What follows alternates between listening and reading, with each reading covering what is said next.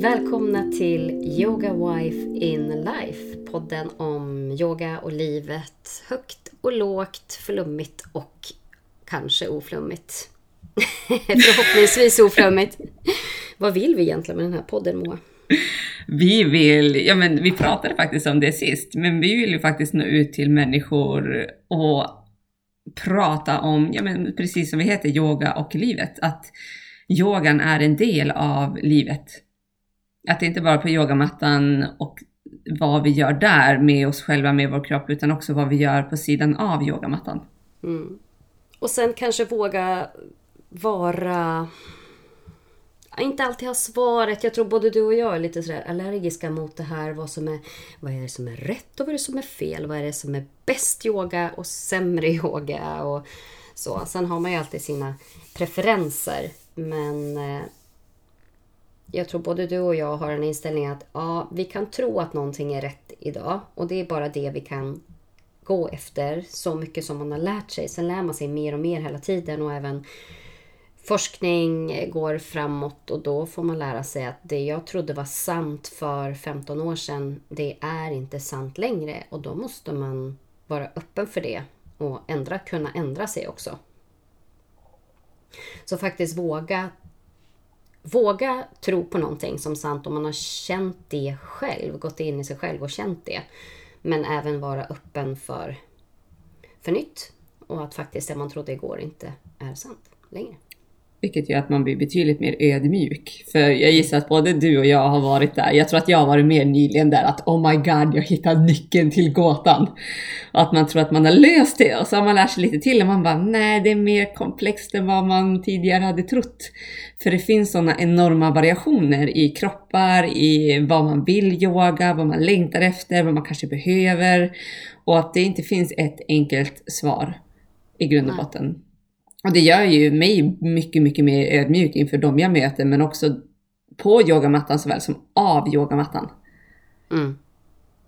Men jag tror att det är därför du och jag behöver prata också. Att varför, varför vi startade den här podden, en del utav det var ju att vi ville fortsätta ha en anledning till att prata med varandra och lära av varandra. Annars blir det, vi bor så långt ifrån varandra och när vi har sett så kan vi sitta i timmar och bara prata och lära av varandra. Och här har vi faktiskt ett eh, tillfälle Mm, att göra det. Och då definitivt. tänker vi att då kan det komma andra till gagn också. Mm. Vad vi diskuterar. Och idag ska vi faktiskt diskutera något som är ganska konkret. Mm. Sekvensering som eh, man översätter direkt från engelskan, eller klassuppbyggnad. Hur man bygger bra yogaklasser utifrån, utifrån vad då? Ja, där beror det ju på vad man har för syfte med sin yogaklass. Det här kanske lite mer kan kännas mer riktat mot yogalärare. Tips hur man bygger en yogaklass. Och det finns ju massor med olika eh, tekniker och beroende också på vilken stil av yoga man har sin utbildning i så har man olika filosofi vad som ska ingå. Vissa stilar, till exempel virya-yoga, även globalt till viss del. Där bygger man upp klasserna och i block. Jag tror att virya-yogan de har tio block och i varje yogaklass så ska det ingå andning. Nu är inte jag virya-yogalärare så att någon virya-yogalärare får komma och slå oss hårt på fingrarna här. Men men verkligen att det ska ingå. Det ska ingå andning, det ska ingå, jag tror core är väl på slutet. Du har rotationer, du har framåtfällningar, du har någon bakåtfällning. Du har, så att man, har, man plockar ifrån varje grupp kan man säga, typ av yoga asana.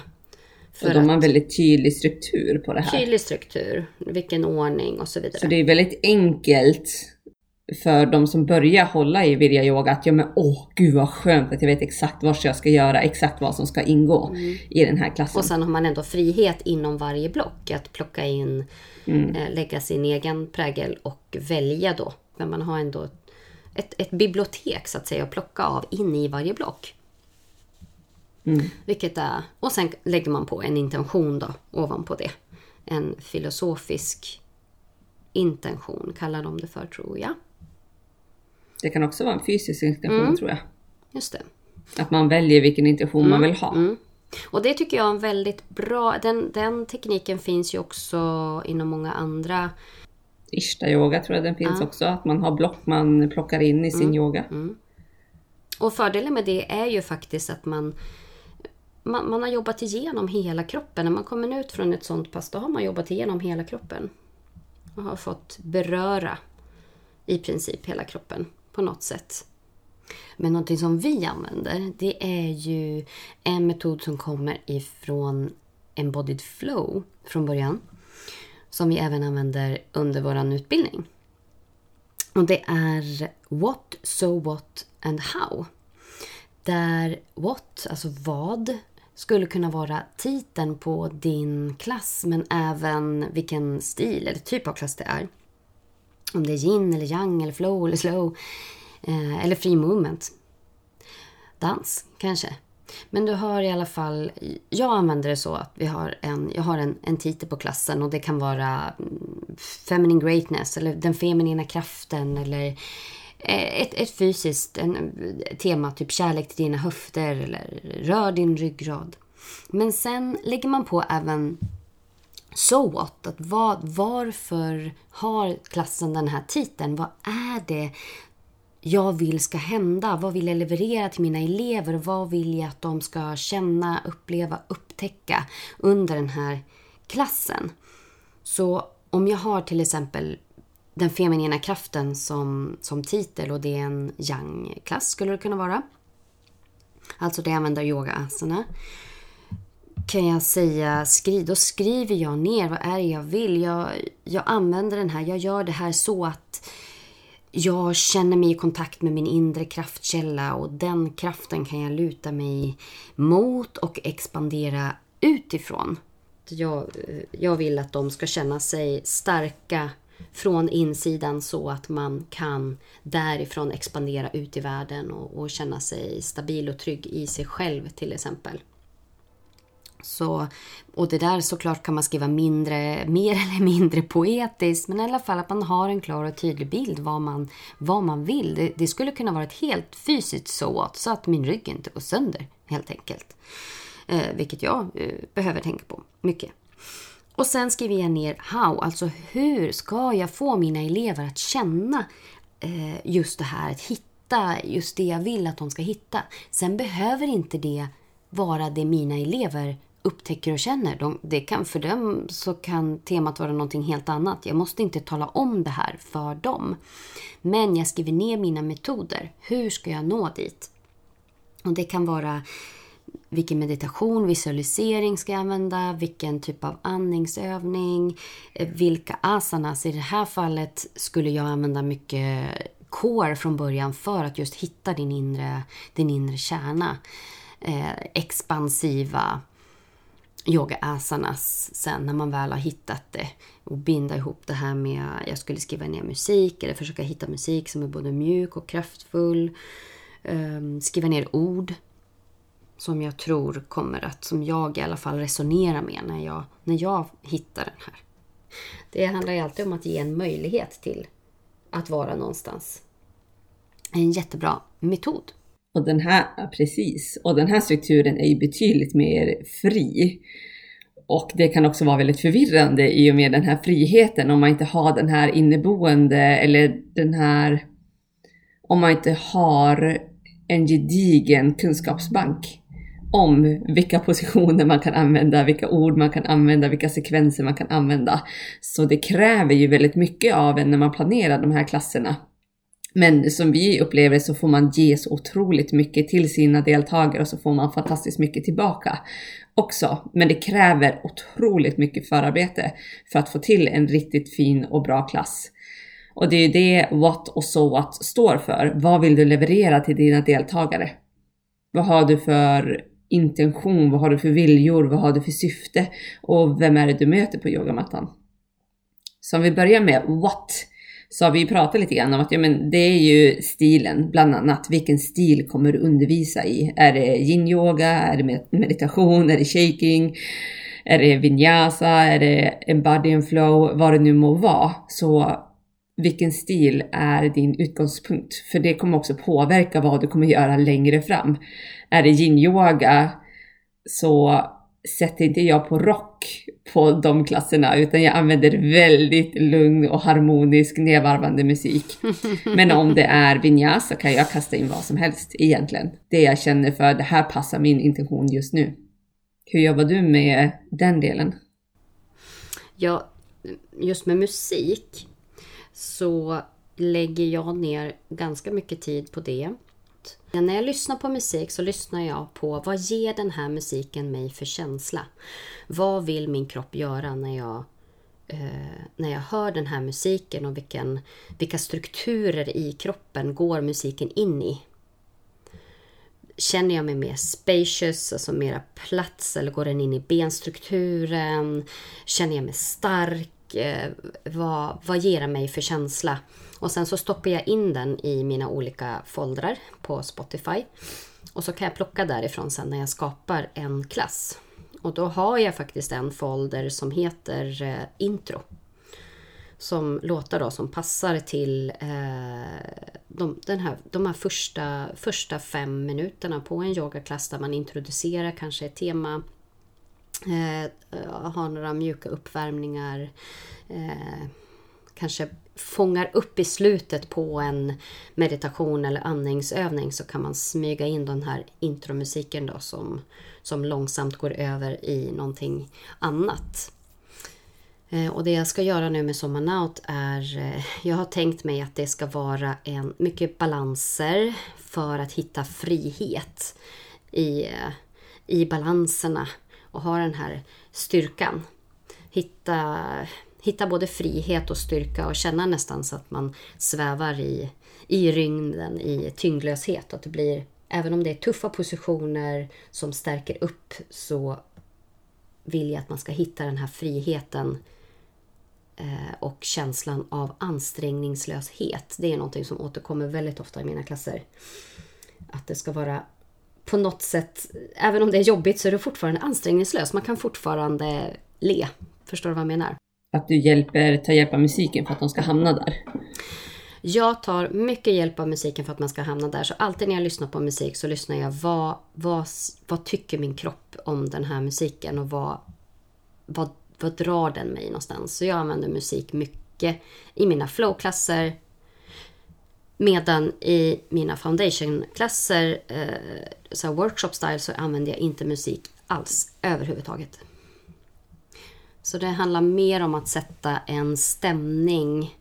Så jag väljer musik väldigt noggrant. Och ganska sällan med text, men ibland så är det... Ibland har jag text också, speciellt när jag vill eh, boosta på lite grann med... Eh, eh.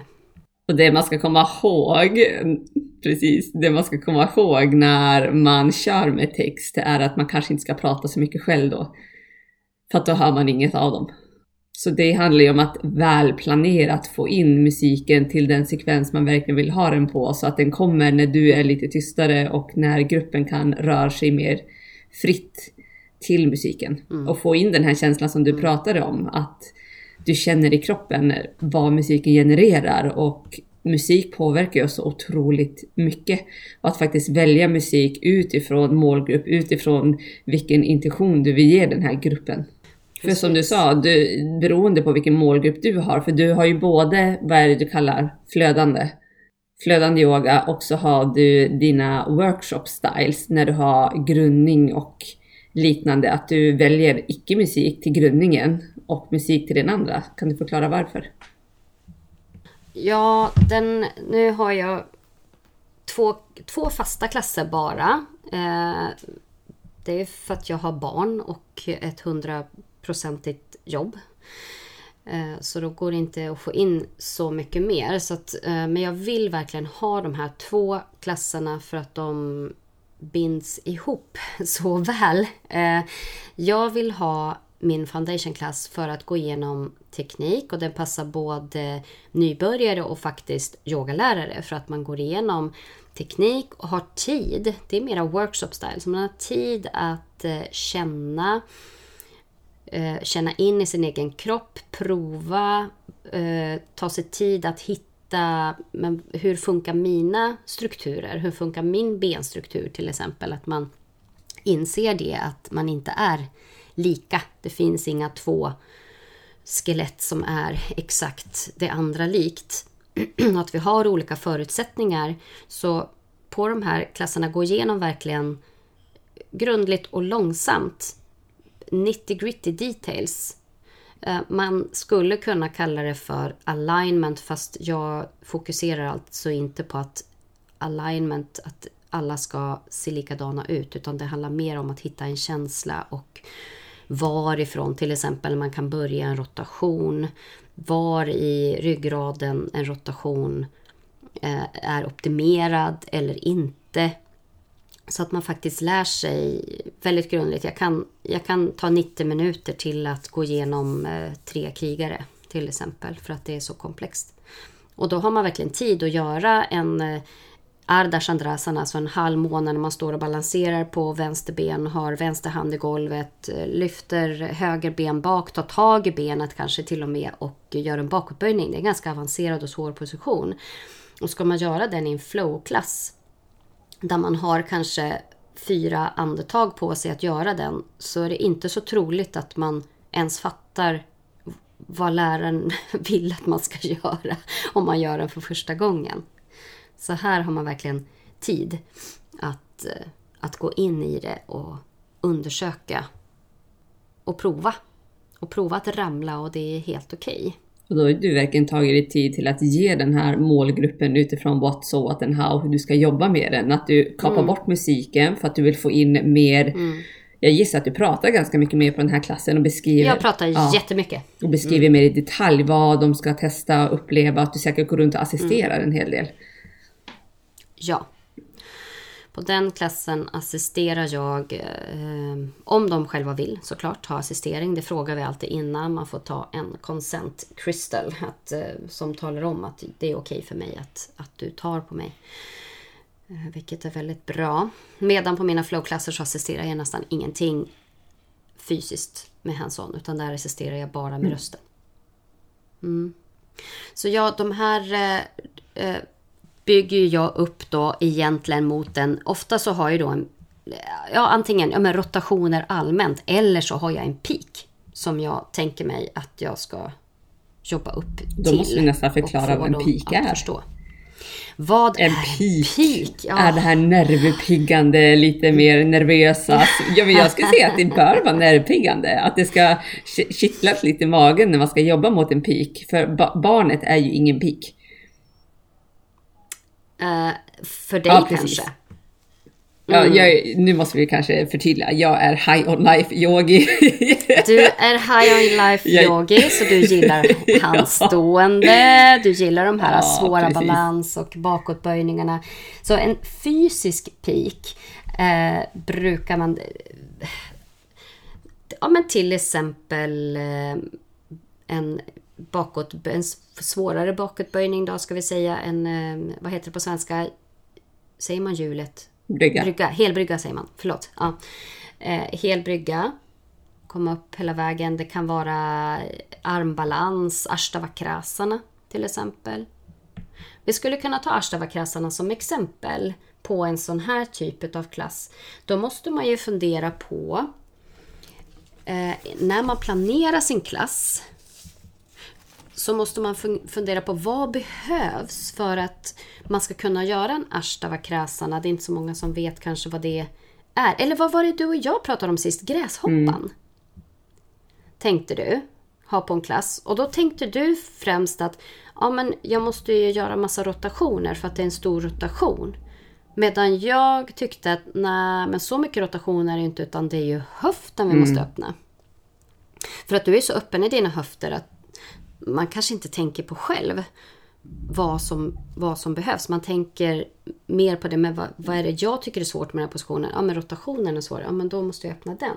För det man måste tänka på där är, vad, vad behövs för att kunna göra den här lite mera avancerade positionen? Och det kan ju vara avancerat för, någon, för dig så kan faktiskt balasarna, barnens position, vara ganska avancerat om du ska stanna där i 10 minuter. För ditt hjärna kommer liksom... Mm. Måste jag verkligen stanna? Inte nu längre. Men för några år sedan så tror jag att du skulle ha svårt att stanna i Balasana i 10 minuter.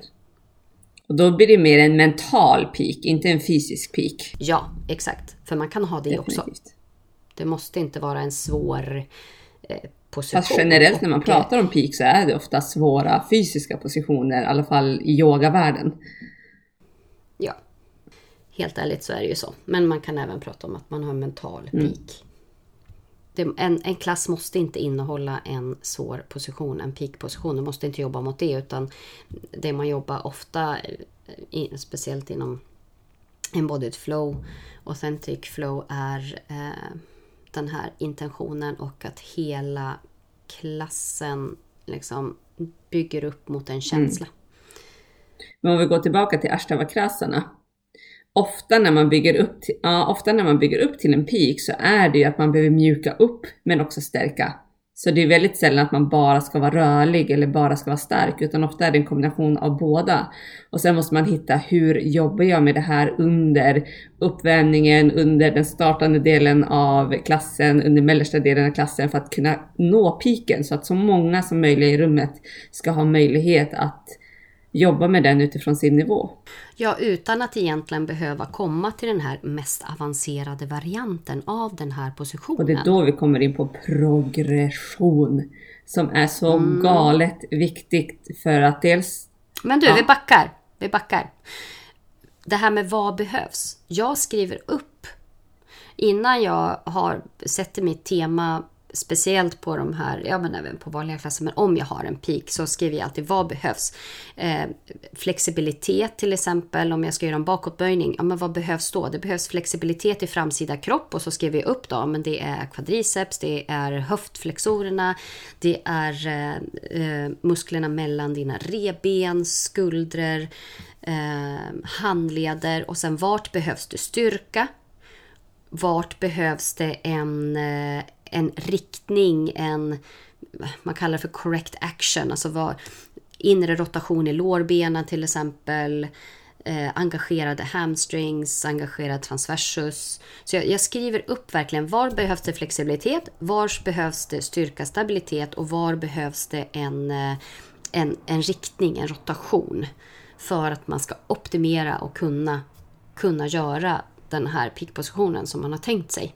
Så det skriver jag upp först väldigt tydligt och sen så kopplar jag på då. vi- Vilken ordning ska jag göra det här? Handledsuppvärmning till exempel, styrka i händerna. Jätte, jätteviktigt som man ofta glömmer bort. Nu får du fortsätta. Och det är där progressionen kommer in. Egentligen, Ja, det är just exakt. det du beskriver. Att okej, var ska jag börja? Var behöver jag bygga upp? Vilken del måste jag ta först? För progression handlar om att bryta ner peakpositionen i små beståndsdelar som du beskrev. I muskler och kolla på dem och hur du kan dels förlänga dem, för det är oftast det det handlar om i våra stela västerländska kroppar, men också stärka upp de här områdena så att du orkar hålla din kropp i positionen och att man steg för steg jobbar sig dit. Så om vi tänker en bakåtböjning så kan man ju börja med solhälsningarna för där kommer automatiskt bakåtböjningar in många gånger. Att där kan man jobba med mjuka, man kan börja värma upp ryggraden och sen kan man jobba med större och djupare bakåtböjningar längre fram. Så man börjar ju inte med hjulet i uppvärmningen. Nej. Alltså jag tycker för sig inte att det är så mycket bakåtböjningar i... Ja, du Surya menar Namaskar kobra B. då där. Kobra eller okej, uppåtgående hund. Just det. Mm. Ja. Mm. Sant. Sant. Sen behöver man inte använda solhälsningarna. Nej, det var faktiskt... Jag funderade om... Nej, det var nog första året med Chad Hamrin. Då var inte du med, så var det en tjej som efter fyra dagars immersion här med Chad Hamrin Eh, han kör ju lite Iyengar style så han, han kör ju direkt på bara. Jag tror inte han gjorde en enda solhälsning första fyra dagarna. Eh, och till slut så var det en tjej som sa, men alltså det här, får, får man göra så här? Ja men starta en klass utan solhälsning. Alltså får man det? Jag tror jag väldigt sällan startar en klass med solhälsning faktiskt. Men hon var så fostrad i det här att, ja men med ashtanga, att man börjar med solhälsning och du kör fem stycken A och fem stycken B. Sen får du börja och göra andra saker. Så det är så mycket ett mindset också. Men visst, solhälsningen är bra, speciellt eh, solhälsning B och hatta, hatta solhästning och man kan gärna lägga på en rotation eh, som, som värmer upp kroppen försiktigt. Men det finns ju väldigt många andra sätt att börja. Det är inte så att kroppen går sönder för att du börjar i dandasana. Precis. Alltså eh, när du sitter med raka ben och eh, ja, vad heter det på svenska då? då? Ja, sitta på rumpan med benen rakt ut helt enkelt och huvudet mm. upp. Mm. Där, där, kan man ju också börja och börja med rotationer där. Så man måste ju inte börja med en solhälsning. Det gör jag väldigt, väldigt sällan. Men det gjorde, det gissar jag att både du och jag gjorde när vi började vår yogakarriär. Absolut. Och det, det, solhälsningen är så bra för att man får börja hitta in till kroppen och att man får flöda. För många som är ny för yogan kanske inte kan sitta i dandasana pinnen i 10 minuter och bara wow, oh my god, nu drar jag bak så att jag aktiverar rumpan. Utan de kanske blir så galet uttråkade, det hade jag blivit. Eh, så att man behöver solhälsningar, man behöver få flöda, man behöver få det här sköna, för det är det solhälsningar också kan vara. Att man behöver inte tänka så mycket. Och sen så kan man behöva tänka för att ju mer man lär känna kroppen desto mer kan man specificera, aha, det, jag känner av min lilltå. Jag känner att lilltån är mm. faktiskt varmare än stortån. Att man kan fysiskt känna det i kroppen, för det kunde inte jag i början. Att vadå lilltån och stortån, de är ju bara där. Hur kan jag känna skillnad på dem? Men om vi går tillbaka till egentligen den klassiska hur vi har lärt oss att man ska bygga upp yogaklasser så handlar det ju om att man har en uppvärmning där man ofta sitter eller ligger ner för att landa i kroppen. Man ska inte behöva spänna sig speciellt mycket, man ska andas och landa in. Och det kan vara med andningsövningar eller bara närvaro i kroppen, skanna igenom kroppen. Sen så kommer ofta rörelser. Att man kanske från liggande, sittande eller fyrfota, alltså ganska nära golvet, börjar göra rörelser för att väcka igång kroppen. Och har man en peak, då är det här man ska börja väcka igång de kroppsdelar du ska använda för att klara av peakpositionen sen. Så att man tänker igenom hela klassen, den ska genomsyra allt du gör i din klass. Varenda position du gör i din klass ska leda upp till din peakposition längre fram. Och efter att man har värmt upp kroppen på fyrfota eller var du nu är så tar man sig ofta till stående på något vis och det är här man ofta kastar in solhälsningar att ja, nu ska vi komma in i kroppen, nu ska vi värma upp kroppen och förbereda den för en stående sekvens. Och stående så klassiskt brukar man vilja få in rotationer, man vill få in framåtfällningar, man vill få in bakåtböjningar. Efter det här brukar piken komma och sen så brukar man varva ner, man börjar landa i kroppen, man börjar leta sig ner till golvet igen och sen avslutar man i shavasana för att slappa. Mm. Och man. Integrera som det så fint heter. Ja. Integrera klassen. Precis. Ja, så det är en klassisk uppbyggnad hur man kan bygga upp en klass och hur vi lärde oss att bygga upp klasser. Men med what, so, what and how så blir det ju mer fritt. Det är ingenting som motsäger det. Nej, absolut det. inte. Definitivt inte. Det är samma, samma, samma egentligen. Det kan man applicera på vilken, vilken struktur som helst egentligen. Men det man gör ofta är att man upprepar, eller det jag har börjat gilla mer och mer, att man upprepar. Så inom varje sånt här block eh, så upprepar jag en sekvens. Så det är en teknik som jag använder väldigt mycket. Det kallas för kramas. Mm.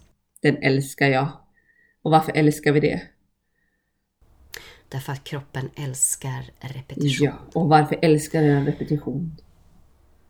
Man blir mer och mer säker. Man väcker eh, delar av kroppen och kroppen lär sig att kommunicera. Olika delar av kroppen lär sig att kommunicera mer och mer. Och när man går tillbaka och gör samma sak en gång till, då kan den här kommunikationen bli ännu bättre, ännu mer effektiv och man, man utökar medvetenheten när du får göra samma sak igen. Och då kan den här samma saken utvecklas till någonting annat. Så vi ger, jag ger i mina flowklasser så ger jag väldigt mycket frihet. Det här är, man ger en sekvens, man ger en rörelse men sen frihet är att om din kropp känner att det här funkar inte för mig eller din kropp vill ta sig någon annanstans så är det alltid tillåtet att göra det på mina klasser. Jag stoppar ingen. Jag brukar säga så att har du en, har du en praktik, eh, de har tagit sig till studion för att få tid på sin egen matta med sig själva, då stoppar jag ingen från att eh, utöva sin egen praktik där. Utan har man en, visst, jag, jag säger att har du aldrig stått på huvudet, stå inte på huvudet. Men har du en, en praktik som där handstående eller vad det nu är ingår och du inte stör någon annan, go ahead, varsågod. Jag vill inte stoppa någon. Däremot ibland så kan man ju ha en intention att nej, men jag vill att du ska ta det lugnt här. Jag vill inte att du ska kasta dig upp ett handstående på en gång, utan jag vill att vi ska gå igenom det här steg för steg. Så på foundation till exempel, där får man inte kasta sig upp i handstående på en gång. Utan där går vi igenom steg för steg och stärker verkligen upp för att man kanske ska lära sig nya saker på vägen.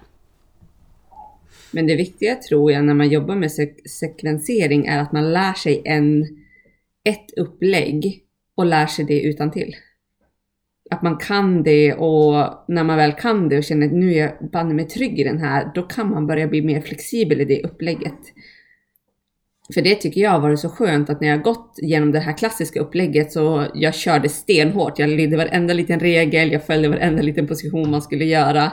Och jag gjorde det ganska länge. Tills jag kände att nej men nu vill jag faktiskt börja bryta mig lös från det här. Då började jag bli lite mer flexibel, jag började byta ut grejer, jag hade inte alltid rotationer. Jag bröt som mallen som man skulle följa. Och efter ett tag så började det likna mer ett annat klassupplägg än grundklassupplägget. Men att jag, och jag tror det är ganska bra att man verkligen lär sig ett upplägg, helst som ny, och jobbar med det länge så att man kan det. För det bygger en kunskapsbank som man kan använda när man ska bli mer fri och kreativ. Att det är bra att ha en mall att ja. börja med. Att nej men nu, nu kör jag på det här klassupplägget, jag byter ut det, jag förändrar det absolut. Men att jag nöter det tills jag kan om man exempelvis tar det du sa, kramas, att man gör upprepningar, så kanske man ska jobba med det ganska länge. Okej, upprepningar, nu kör jag det några månader fast jag kan byta klassen, men jag kör med kramas så att jag lär mig hur lär jag ut mm. kramas. Mm. Och använder musik och intention och allt det här. Absolut. Men sen också anledningen till att du kunde bryta dig loss från det här upplägget är ju att du har den erfarenheten att du har, du har sett dina elever, du, har, eh, du ser, du har sett vad som funkar, inte funkar, vad som är säkert, inte säkert. Eh, och kan då, för den här kreativiteten får inte gå ut över vad som är mm. säkert. Mm och där göra. kommer vi tillbaka till progression. att, ja men det har blivit det, för jag har inte alltid jobbat med det. Jag har varit så blind och inte alls ödmjuk, för jag har alltid varit så stark eftersom jag föddes som en klätterapa. Så har jag rört mig så flexibelt och kreativt hela mitt liv och klättrat i träd och hoppat från brygger och eh, hoppat för trappor, alltså helt galen liten tjej. Så det har gjort att jag har väldigt stark kropp. Och när jag väl började lära ut det, jag bara, men alla kan ju göra en bakåtböjning utan uppvärmning. Men det kan man Nej. inte. Man kan inte förlita sig på sin egen kropp. Man måste se människorna man möter. Och där kommer vi tillbaka till målgruppen. Vilka människor möter du på yogamattan? Vem är du där för? Du är inte där för din egen skull, för din egen kropp. Du är där för personerna på yogamattan. Är det nybörjare? Utgå från nybörjare. Är det avancerade positioner? Utgå från det. Och sen har ju både du och jag öppna klasser. Och då måste man utgå från båda och helt plötsligt blir det jätteavancerat att möta både nybörjare så att den känner sig tillfredsställd, men också en avancerad position så att den känner sig tillfredsställd. Och jag ger alltid alternativ då. Till exempel, jag bygger alltid upp till olika positioner och det jag exempel haft nu är att när vi har kört en sekvens, då får de landa i en framåtfällning. Och i den framåtfällningen får de pressa ner sina händer, de får luta in till sina händer och så får de vagga sig där fram och tillbaka, greppa ner golvet, börja få mer känning i händerna. Om man vill kan man lyfta en fot från golvet när man lutar sig fram. Om man vill kan man lyfta båda fötterna från golvet. Så att man bygger upp till att alla kan få känna på. Så de som inte vill lyfta fötterna från golvet, de står där och vaggar in och pressar ner händerna och vaggar tillbaka och ingen känner sig utanför. Det är inte så att man, någon sätter sig ner och bara tittar för att det här var helt omöjligt för mig. Eller jag vågar inte ens prova. För så är det ju ofta. Man vågar inte ens prova. Så man, jag brukar prata om busstationer, liksom stationer. Att här, här är station nummer ett, här kan man stanna om man vill. Eller så åker man vidare till nästa. Och sen så bygger man på. Och, och, och då finns det någonting för alla. Och man behöver inte sitta och, och tänka att men det här är helt omöjligt för mig så jag, jag sätter mig ner och tittar på istället. Vad är det Johanna Andersson brukar säga? Man kan ta, man kan ta en watch, watch asana. Ja. ja. Se och lära. Men eh, ja, fast jag tycker att man ska inte behöva ta en, en watch asana om man inte absolut vill. Utan det, som du säger, då stannar man kvar där på station nummer ett och, och väger in i händerna och tränar på att trycka ner fingertopparna, känner hur skulderbladen fylls ut och mm. så. Mm. Absolut. Mm. Men jag skulle vilja prata också om lite olika tekniker man har när man lär ut. Det finns ju det här, vi pratar om att det finns, man kan jobba i att repetera en viss sekvens och sen tar man en ny sekvens och repeterar den och så vidare. Eller så kan man ju ha en linjär klass, att man aldrig återkommer till en position. Utan man kör en position i taget och så återkommer man aldrig bakåt mm. igen. En klassisk eh, vinyasa flow är ju faktiskt att man eh, eller en variant utav dem, är att man kör till exempel solhälsning. Och sen så börjar man om igen och kör solhälsning och så bygger man på med en position. Och sen så börjar man om från början och så bygger man på med, med den, den första positionen du la på och så sen en till. Och så vidare och så vidare och så vidare. Och då kan man ju ha eh, där olika tekniker. Någonting som jag gillar är att man faktiskt håller den här första positionen som man lägger på, håller man statiskt. Eh, och lägger på ganska mycket tekniktips där. Och sen i nästa varv så ger man mindre instruktioner där. Och så fokuserar man på nästa istället.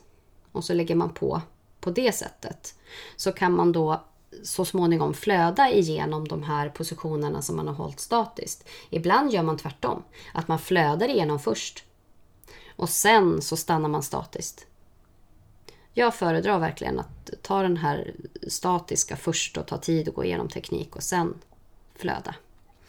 En annan teknik är också att man har ett flöde som du upprepar och första varvet så ger du jättemycket instruktioner hur du ska rotera. Da, da, da, da, da, da, da. Och sen så släpper du och det blir mindre och mindre instruktioner för varje varv.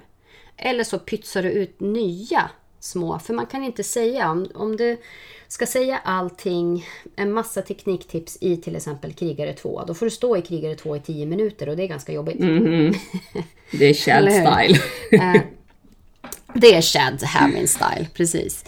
Men om man istället då kör, du har en krigare 2 och du håller den kanske fem andetag och så pluttar du ut en instruktion per varv. Så man liksom lägger, lägger på någonting nytt. Du behöver inte upprepa det du sa i förra varvet då, utan då Fördelen här med att man upprepar samma sekvens är att du, kan, du behöver inte prata så mycket hela tiden. Du kan lägga ut en liten, ja men tänk på det här.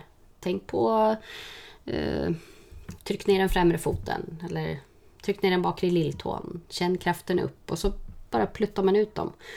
Eh, och sen något varv säger du ingenting. Om man bara hinner känna in allt det där som du har instruerat i de andra varven. Ja, den tekniken gillar jag mycket. Det är skönt att variera teknikerna. Jag tänker dels för elevernas skull, att de får en annan bredd att lära känna sin kropp, men också för sin egen skull som yogalärare, att man kan ge det här till sina elever. Att de de får olika möjligheter att ja, men man känner sin kropp på olika sätt och alla tar åt sig information på olika sätt. Det är ju snarare det, att alla tar åt sig information på olika sätt. Sen är det ju så att väldigt många gillar när det är Precis, samma. upprepningar. Jag har ju exempelvis månadsklasser. Så jag, jag kör en och samma klass en månad, samma intention. Jag brukar köra lite progression under veckornas gång, så säg att det är fyra veckor.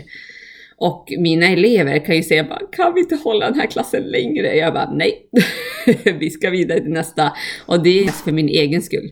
Att jag vill eh, variera mig, utan jag har ju ganska mycket klasser varje vecka. Så för min egen skull, så att jag ska kunna leverera från hjärtat varje månad, så behöver jag ut, byta ut klassen varje månad. För att när man har kört en, absolut, för när jag har kört en och samma klass kanske jag vet inte hur många klasser jag har per vecka, men förut hade jag ganska många klasser per vecka. När man kört en och samma klass 40 gånger, då är man ganska nöjd på den klassen. Då är man redo för nytt som yogalärare. Så för att vara hållbar som yogalärare har jag hittat den tekniken att jag har månadsintentioner, månadsklasser som jag byter. Ja, för det är inte hållbart heller att ändra hela tiden. Har du så många klasser i veckan så är det inte hållbart att ändra hela tiden. Då bränner du ut det också. Man behöver, man kan tro ofta att ja, men eleverna vill ha nytt. De vill ha nytt, nytt, nytt, nytt varje vecka. Men det vill de inte. Det finns enstaka positioner ska jag säga som skulle vilja ha nytt hela tiden. Men de lär sig också att acceptera dig som yogalärare så länge du står fast vid att men vi ska fortsätta med det här för vi behöver nöta det. Men vi har gått igenom what. Att rikta in till målgrupp, vilken stil du använder och so what har vi inte pratat så mycket om. Intention. Och vad man vill att de ska känna. Mm. Och vi har pratat om Precis. huret mycket. Hur, hur mm. gör du det här liksom? Ja. Eh, så vad, vad, vad, brukar du ha för intention där med det? Vad, kan du ge ett exempel på dina klasser, vad du vill eh, förmedla på dina klasser? Vad har du för så det är lite olika, men ett tema som jag verkligen har fastnat för, något som verkligen har, sitter djupt in i mitt hjärta, är ett tema som heter Wabi Sabi.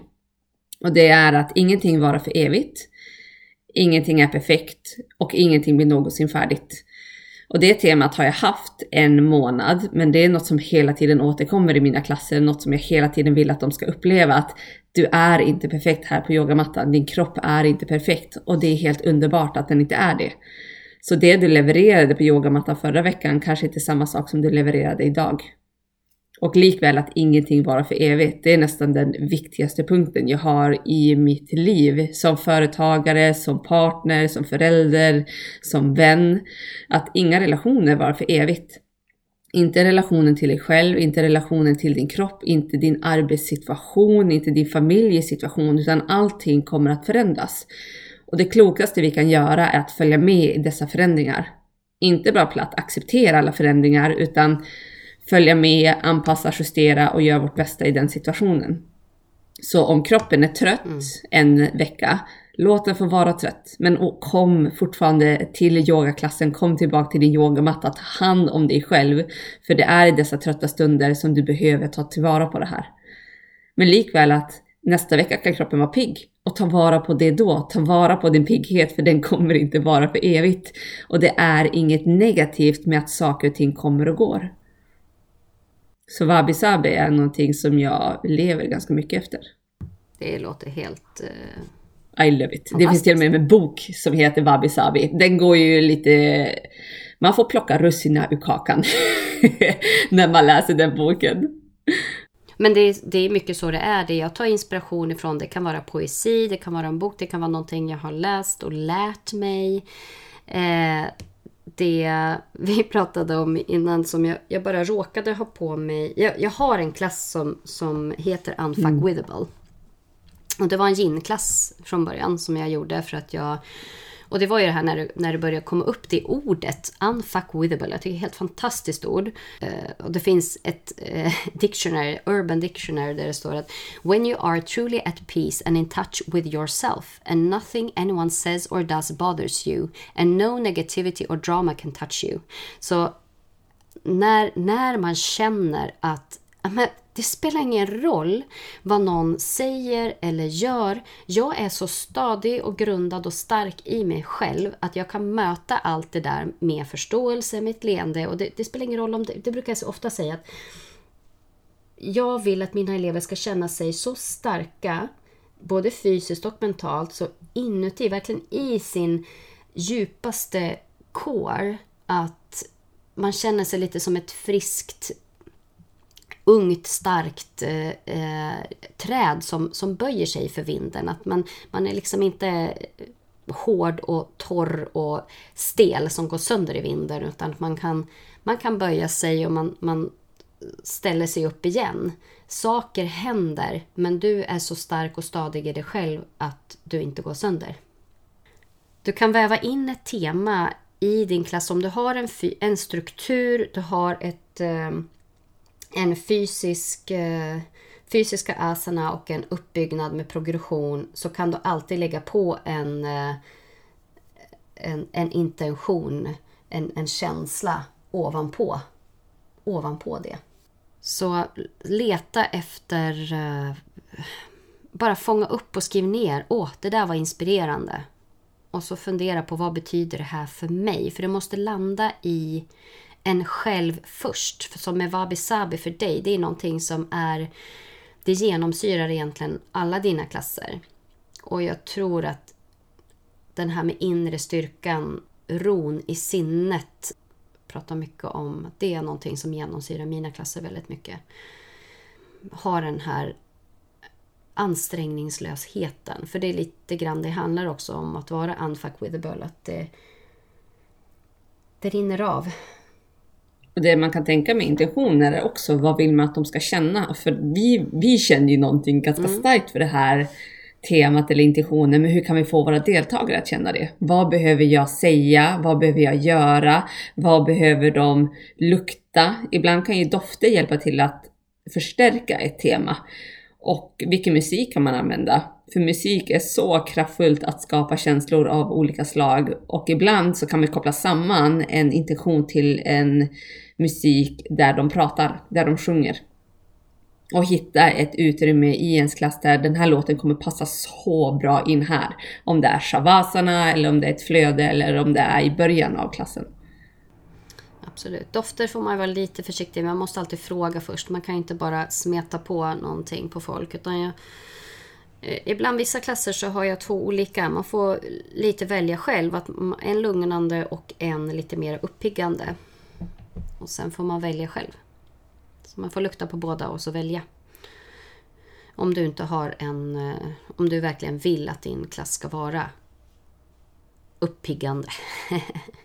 så kanske du ger någonting med. Och det man måste tänka på sina oljor är att ibland så kan det ju vara mandel eller nötoljor. Och att vissa kan vara nötallergiska så det är som sagt alltid bra att fråga. Nu har jag ganska många stammisar på mina klasser. Det är inte så mycket in och utflöde. Så, utan det är, det är en stabil grupp som kommer, sen är det in och utflöde av dem. Men det är väldigt sällan nya människor. Men kommer väl en ny människa så brukar jag fråga den redan när jag tar emot dem. Om de har allergier eller något mm. annat. Det är superbra om man har den möjligheten. Absolut inte alltid man har den möjligheten. Mm, det brukar vara väldigt uppskattat. Eh, för det som, det som är med dofter är att man kan känna dofter. Dels så hjälper den att landa. Att eh, från början kanske kunna ta in en doft och landa på mattan och lämna det som är utanför. Utanför. Mm. Verkligen komma in i nuet. Men sen är det olika dofter som kan det sätter sig på olika ställen i kroppen. Har du märkt det någon gång? För mig är det så. Väldigt tydligt att vissa dofter känns i hjärtat, andra känns i magen. Eh, Nej, jag har nog aldrig känt så. Mm. Grundande, nästan så jag kan känna att det går ner i mm, sån här Palo Santo till exempel. Det, det går djupt ner. Det, den är grundande för mig och jag känner den nästan i, mm. i bäckenet. Ja. Men det där, det är ju inte, som sagt, du, men du kanske bara inte har tänkt på det förut? Eller jobbat så mycket med det tror jag. För jag tror att det är som vi sa, att känna av lilltån. Vars är den? Vars håller den hus? Det är samma sak med dofter, att det är något, någonting med att givetvis kan träna upp en finkänslighet inför dofterna. Och sen har ju alla olika starka sinnen och det är därför vi vill använda musik, ord, tystnad, eh, ljus i lokalen exempelvis. Det har inte med klassuppbyggnad att göra, men att man använder sinnena på olika sätt, dofter, för att nå ut till alla olika sinnen. Men du, nu blev, jag tänkte så här, den här podden kommer att bli jättekort. Vi ska ju bara Hur ska den bli kort? Upp, klassuppbyggnad. De lyckas all, vi lyckas aldrig hålla korta, Nej, korta samtal Moa. men vi har så mycket att säga. Men det behöver inte vara ner. kort heller, herregud. Ah. Alltså, det, alltså ett klassuppbyggnad, det kan inte vara ett kort avsnitt. Punkt. Det är svårt. Det är svårt. Så sammanfattningen är, vad, vad har du för intention? Först och främst så bestäm vad du vill leverera. Vad, vad vill du förmedla till dina elever? Skriv ner sen. Hur, hur, ska du komma, hur ska du komma fram till det här? Hur vill du förmedla det? Vilka typer av, vilket upplägg vill du ha på din klass? Vilka typer av positioner, vilken eh, ordning, vilken känsla, vilka ord ska du använda. Du brukar ju skriva, göra såna här fina mm. mindmaps. Gör du det för dina klasser också? Lite både och beroende på vilken period jag är i. Jag är en periodare så jag använder mindmaps ibland och ibland inte. Men mindmaps ger en väldigt fin överblick vad jag ska ta upp, vad jag ska prata om. Så den tycker jag är enkel att bara kika på. För jag har ibland med mig, helst första klasserna, så brukar jag alltid ha med mig min eh, fina bok som jag läser ur och pratar ur och kan snegla på så att jag verkligen kan få in det jag vill att de ska uppleva under klassens gång. Att jag behöver påminna mig ibland. Jag skriver också. Eh, Men också för att kunna gå tillbaka sen. För jag har ibland svårt att komma ihåg från vecka till vecka vad jag gjorde förra veckan. Speciellt om jag haft många klasser. Som jag hade förr i tiden så hade jag väldigt många klasser. Och kanske lite olika på olika ställen då. Eh, Och då kunde det vara svårt att komma ihåg vad, vad var det jag gjorde förra veckan på det här stället. Och då för att avrunda kommer Marie bjuda på en liten godbit. Gå igenom en klassuppbyggnad helt enkelt. Ett, eh, en intention och hur jag har tänkt. Kanske till och med hela klassen guidad men separat då. Ja? Hej då Marie! Hej då Moa!